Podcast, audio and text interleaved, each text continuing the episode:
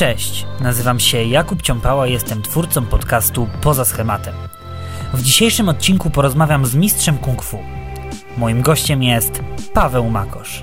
Zapraszam.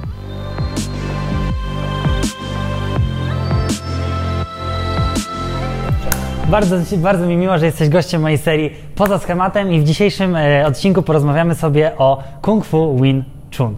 E, tak jak wyczytałem w internecie, posprawdzałem, e, jest to już dość długa jakby sztuka walki, która już ma swoją zakorzenioną historię. E, no i jak to się zdarzyło, że ty na nią trafiłeś akurat? jak na nią trafiłem. Szczerze mówiąc, był to przypadek, jak e, część adeptów e, mojej szkoły obejrzałem, mm, zacząłem oglądać w internecie filmy dotyczące sztuk walki. Mój tato był karateką, więc e, gdzieś byłem pod, zainspirowany tym. Jednocześnie szukałem stylu, który będzie skuteczny, szybki i nie chodziło mi o to, żeby on sprawdzał się na zawodach, ok? Chodziło mi o to, żeby to było coś skutecznego, co potrafi, dzięki czemu poradzę sobie także na ulicy. No i po jakimś krótkim researchu trafiłem na jedną ze szkół e, Wing Chun, postanowiłem e, udać się na pierwsze zajęcia. I myślę, że po miesiącu, dwóch e, rozpoczęła się taka moja mała miłość do, do tej sztuki walki. Rozumiem. E, bo samo kung fu jakby dzieli się na wiele różnych stylów, rodzajów. E, jak dużo ich jest i czy jak ty specjalizujesz się tylko w Wing Chun, to czy są ludzie, którzy specjalizują się na, specjalizują się na przykład w kilku? E, czy są ludzie, którzy specjalizują się w kilku? Ciężko jest mi powiedzieć. Wydaje mi się, że czym więcej mamy specjalności, tym niestety bywamy gorsi w tym, co robimy i że te style często są tak różnorodne, że raczej mówimy o naprawdę mistrzach, którzy znają się na swojej dziedzinie, tylko w jednym z tych styli. Tych styli jest faktycznie multum, tak jak powiedziałeś. Mówi się, że ponad 200. Większość tych stylów to są style typowo zwierzęce, czyli oparte, ich biomechanika oparta jest y, na podstawie obserwacji ruchu zwierząt. Mm, jednym z takich wyjątków jest właśnie Wing Chun które raczej, raczej stawia na fizykę, biomechanikę ludzkiego ciała. Rozumiem.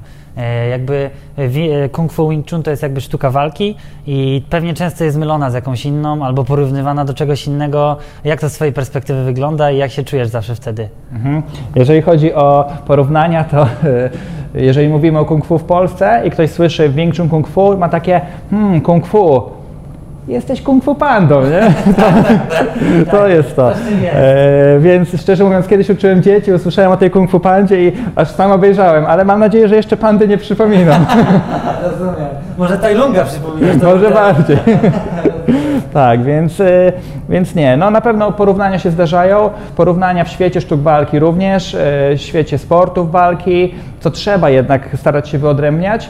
Mm, I wydaje mi się, że jako sztuka walki też na porównania jesteśmy otwarci, bo czasem o, o, te porównania też chodzi, prawda? No tak, tak, to jest właśnie ta chyba sztuka konfrontacji wtedy.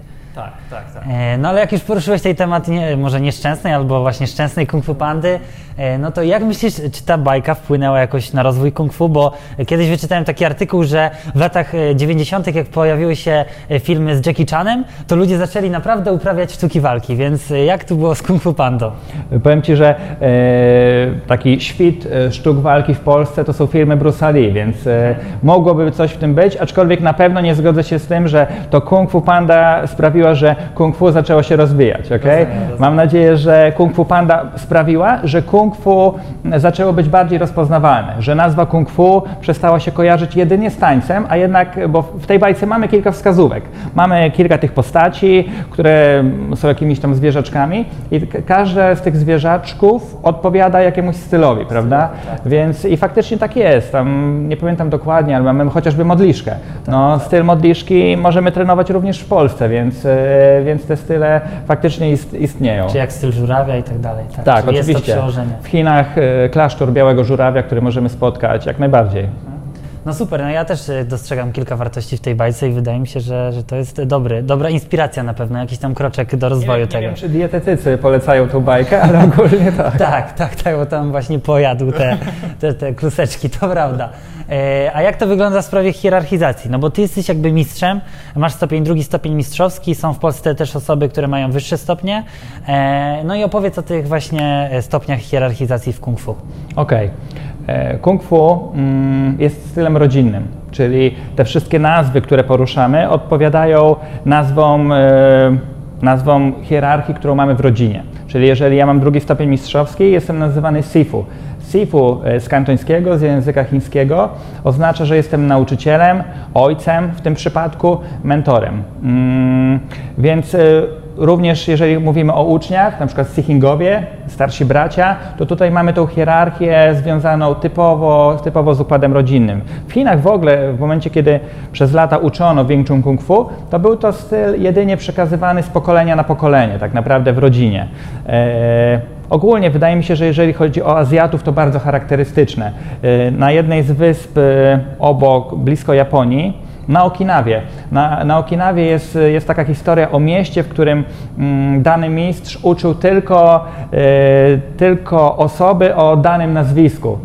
Jeżeli już nie miałeś tego nazwiska, nie miałeś szans się uczyć, więc w Chinach e, to postrzeganie rodziny, w Chinach, w ogóle w Azji e, jest, jest bardzo ważne. Czyli często to było dla, typowo dla zamkniętej grupy osób. Tak, zdecydowanie. Zdecydowanie dla zamkniętej grupy osób. Okej, okay, twoja przygoda z Kung Fu trwa około 10 lat, no i w sumie w 10 lat zdobyłeś stopień mistrzowski. To znaczy, że naprawdę jesteś w tym dobry. I to jest niezaprzeczalne. E, także opowiedz, opowiedz jak ta droga prze, prze, przeminęła przez te 10 lat. To ja nie będę zaprzeczał, skoro ty tak powiedziałeś. tak, wiesz, fakty są niepodważalne, po prostu tak się dzieje i też sam widziałem, także... E, to jest tak, że moja przygoda ze sztukami walki zaczęła się w roku 2002. Jak wspomniałem wcześniej, mój ojciec jest karateką, więc ja dosyć szybko tą przygodę zacząłem. Co, co, jak, jak, mi to pomogło? Mm, pomogło mi na pewno w taki sposób, że przygotowanie fizyczne, przygotowanie e, motoryczne, przygotowanie mojej koordynacji ruchowej e, sprawiło, że faktycznie dużo szybciej udawało mi się poznawać i przyswajać, e, przyswajać ten materiał. 10 mm, lat, drugi stopień mistrzowski, faktycznie jest to bardzo szybko e, i raczej, raczej jeżeli chodzi o, o bycie mistrzem, to jest to no faktycznie bardzo szybki czas, ale na co chcę zwrócić uwagę? Na element poświęcenia, bo możemy mówić o moim talencie, ale tutaj dla innych, którzy oglądają ten filmik i którzy chcieliby, mieliby marzenia dotyczące tego, żeby zostać mistrzami jakiejś dziedziny, to też jest tak, że ja nie trenowałem dwa razy w tygodniu po półtorej godziny. Ja z moim nauczycielem y, potrafiłem trenować sześć razy w tygodniu, być na treningach. Potrafiłem trenować w domu. E, potrafiłem, jesteśmy w Warszawie, chodzić sobie nad Wisłę i ćwiczyć moje podstawowe techniki, chociaż wtedy wydawało mi się, że robię coś bardzo zaawansowanego. Więc e, ogrom pracy, i ten pra, ta, ta, ilość pracy nie zawsze równa się temu, jaki to jest e, faktycznie czas. Jaki to jest stopień i czas. No tak, no to, to znaczy, że naprawdę dużo pracy włożyłeś i to jest super przykład ogólnie rozwoju człowieka. Jeżeli się chce, to po prostu można to tak, zrobić. Nie tylko, nie tylko w świecie sztuk walki, ale w, w naszych dążeniach na różnych płaszczyznach to poświęcona, poświęcony czas e, jednak... I właśnie chyba tego też kung fu uczy w tym wszystkim, że ten czas, ta równowaga, ten spokój to jest, to jest bardzo ważne. Kung fu oznacza ciężką pracę. Jednym z tłumaczeń jest to, że właśnie jest to ciężka praca, jest to ciężka praca nad sobą. Jest takie powiedzenie, że mm, każdy z nas ma swojego demona, po pokonaniu którego dopiero zaczyna być szczęśliwy. I naszymi demon, każdy z nas ma innego demona. Ty też masz innego niż ja. tak, tak, ale, tak. ale przykładem tych demonów może być na przykład lenistwo. Czyli naszym demonem może być to, że nie chce mi się kurczę znowu iść na ten sam trening. I dopiero przełamywanie tych demonów, pokonywanie wykonywanie ich sprawia, że dochodzimy do, do jakiegoś celu. Tak, tak. E, sztuki walki często kojarzone są z zawodami. E, kung fu jako sztuka walki nie dąży do tego, aby rywalizować na zawodach, e, ale czy były jakieś próby skomercjalizowania tego i właśnie sprowadzenia tego do zawodów? Czy może są inne jakby style, które są na zawodach? Jak to wygląda? Sporty walki kojarzą się e, z zawodami i sporty walki zostały przygotowane po to, żeby konfrontować się w czasie zawodów. Mm, możemy podawać sobie przykład nie wiem, boksu na przykład. Mamy regulaminy, wiemy e, kiedy ta walka się wydarzy, jesteśmy w stanie się przygotować. Sztuki walki różnią się od sportów walki tym, że często powstawały po to, aby przeżyć. Tak było w przypadku chociażby Wing Chun Kung Fu. E, chodziło o to, żeby klasztor Shaolin e, w bardzo krótkim czasie przygotował wojowników, którzy ochronią go przed Mandżurami, przed najeźdźcą. I tutaj, jeżeli chodzi o świat sztuk walki, to raczej nie jest możliwe to, aby, abyśmy, mogli, abyśmy mogli startować w zawodach na naszych zasadach. Przyczyna jest bardzo prosta. My nie mamy zasad. My atakujemy w punkty witalne, e, więc takie walki kończyłyby się śmiercią. Mamy przykłady mm, prób w latach 80. w Chinach, mm, takich e, międzystylowych konkursów, w których brali udział adepci Wing Chun i, i niestety były to próby bardzo kontuzjogenne, więc e, zaprzestali, ta organizacja wtedy zaprzestała jednak wystawiania osób z kręgu Wing Chun. Czyli jakby to ma na celu po prostu was obronić, ale to też nie w takim, takim znaczeniu, że ty możesz sobie tego użyć kiedy chcesz, tylko faktycznie jeżeli ktoś cię zaatakuje. Tak, ja jak prowadzę różnego rodzaju szkolenia, czy nawet w mojej szkole, zawsze zwracam uwagę na to, że nie uczę ludzi po to, aby atakowali innych. Uczę ich po to, żeby chronili y, siebie, chronili swoich najbliższych, rodzinę i swojego mienia, swoich wartości, tego, co uważają za ważne. E, na pewno nie po to, żeby, nie wiem, jakiś, e, mówiąc tak już na luzie, gostek, który zaczepi ich pod sklepem, bo nie dali mu po dwa złote, dwa złote, żeby zaraz go zaatakowali i łamali. Nie w tym rzecz. Jeżeli tutaj naszą wartością jest życie e, i, i chodzi o ochronę właśnie tych większych wartości. Mhm, rozumiem. E, no z legendy kung fu wyczytałem, że e, to kung fu Wing Chun stworzyła kobieta. E, jak to wygląda aktualnie i czy w tym sporcie dalej są kobiety? Czy to jest jakby, czy w Chinach to wygląda tak, że głównie są kobiety i tylko na przykład do Europy to przyszło, jak przeszło jakby na mężczyzn? Jak to, jak to wygląda? Jak to opiszesz? To znaczy ogólnie, zacznijmy od historii może. Mówimy tutaj o mniszce, mniszce Ning Mui, E, z klasztoru Shaolin i faktycznie ona jest e, jedną z pięciu osób, głównych pięciu osób, które przyczyniły się do rozwoju tego stylu. Tam na pewno doczytałeś w tej legendzie, że mniszka Ning Mui później przekazała swoją wiedzę jednej, jednej z, z dziewczyn, która potrzebowała tak, się tak. obronić. Widziałem nawet takie drzewo jakby genealogiczne trochę. Właśnie. Tak, tak, wszystko widziałem, sprawdziłem, Właśnie także... Ona nazywała się Im Wing Chun, czy, czyli w tłumaczeniu Piękna Wiosna. Cały system w ogóle to jest Wing Chun Kung Fu, czyli pięść pięknej, pięść pięknej wiosny.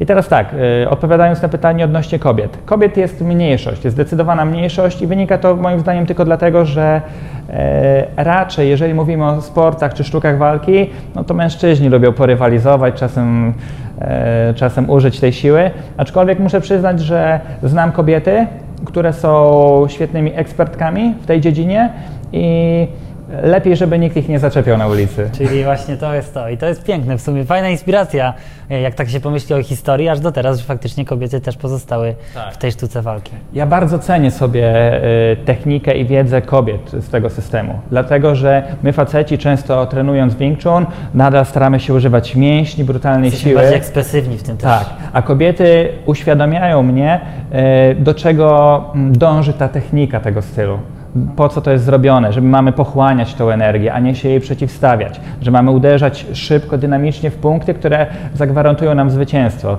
To, to pokazują nam kobiety. Często my faceci zapominamy i wiesz. Próbujemy siłowo to zrobić, tak. tak. E, a teraz odbiegając od e, Kung Fu, Kung Fu Wing Chun, widziałem na Twoim Instagramie, że jakieś tam wrzucasz zdjęcia murali i tak dalej. Na pewno masz też inne zainteresowania poza Kung Fu. E, jak ta sprawa wygląda? Wiem też, że masz normalną pracę, także możesz o tym opowiedzieć, no bo nie samym Kung Fu człowiek żyje pewnie. Nie, nie, samym Kung Fu człowiek żyje i tutaj nawet chyba 2-3 lata temu słyszałem takie zdanie od jednej z mistrzyń, mistrzyń z 30-ponadletnim stażem, e, CG Eszterkować, która powiedziała, że jeżeli żyjemy tylko z Wing Chun, tak stricte finansowo, to to zabija nasze Wing Chun. To staje się bardzo materialne, a nie o to nam chodzi. I oczywiście ja mam swoje pasje, uwielbiam murale.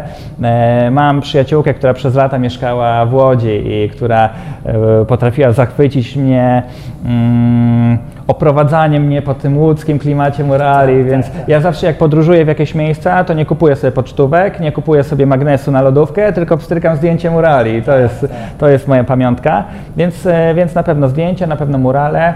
Lubię sztukę, lubię ogólnie sport, siatkówkę, jestem, e, tu Cię zaskoczę, bo tego nie wiedziałeś o mnie, ale jestem też trenerem zespołu siatkarskiego.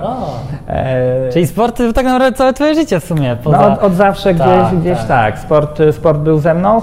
No i jestem e, też dziennikarzem, tak stricte z zawodu, z wykształcenia. Jestem dziennikarzem jednej z naszych e, telewizji, które możemy oglądać na naszym polskim rynku. Rozumiem, fajnie. No i takie ostatnie pytanie kończące, w sumie trochę przyszłościowe. Czy widzisz siebie za kilka lat gdzieś tam w Chinach, e, żeby zobaczyć całą kolebkę tej kultury? Czy może już byłeś? E, czy to jest Twoje marzenie i czy wierzysz, że to się wydarzy? Jeżeli ktoś pyta mnie o marzenia, to mówiąc tak szczerze, zawsze mam dwa. Jedne dotyczące rodziny, bardzo prywatne, drugim zawsze jest to, że bardzo chciałbym odwiedzić Chiny. Bardzo, jeszcze mi się to nie udało, ale marzę o tym, żeby odwiedzić Chiny. Myślałem o tym, żeby to zrobić w niedługim czasie. Na chwilę zatrzymała to pandemia. Marzy mi się dotknięcie tej kultury. Marzy mi się, aby pożyć tam ciut dłużej, ciut, chociaż miesiąc, bo inaczej jest, kiedy oglądamy muzea, inaczej, kiedy możemy wyjść na ulicę i poczuć klimat tego, tego miejsca. Bardzo mi na tym zależy, bo chciałbym zrozumieć tą kulturę, której gdzieś dotykam tutaj w Polsce. Oczywiście e, spotykałem na swojej drodze mistrzów e, azjatyckich, mm, aczkolwiek jeszcze czymś innym jest spotkać, zobaczyć jak ten Azjata się zachowuje, a inaczej pobyć w jego przestrzeni. Chciałbym zobaczyć szkoły, e, jak tam funkcjonują te szkoły.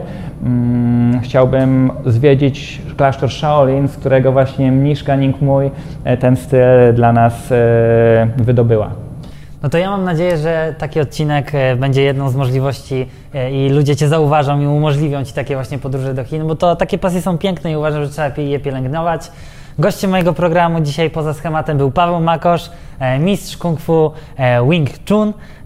Ja Wam dziękuję, pamiętajcie o zostawieniu łapki w górę, subskrypcji, jeżeli filmy na moim kanale Wam się podobają i do zobaczenia w kolejnym odcinku. Cześć. Dzięki wielkie. Dzięki Paweł. Dziękuję Ci, że wysłuchałeś mojego podcastu z Pawłem. Zapraszam Cię również na pozostałe odcinki serii Poza Schematem, w której poznasz 10 bohaterów, dla których pasja stała się czymś więcej. Jeśli chcesz zobaczyć wywiad w wersji wizualnej oraz zobaczyć przebitki tego, co robi polski mistrz kung fu, zapraszam Cię na mój kanał YouTube. Wpisz poza schematem w wyszukiwarce, a na pewno mnie znajdziesz. Do usłyszenia w kolejnym podcaście. Cześć!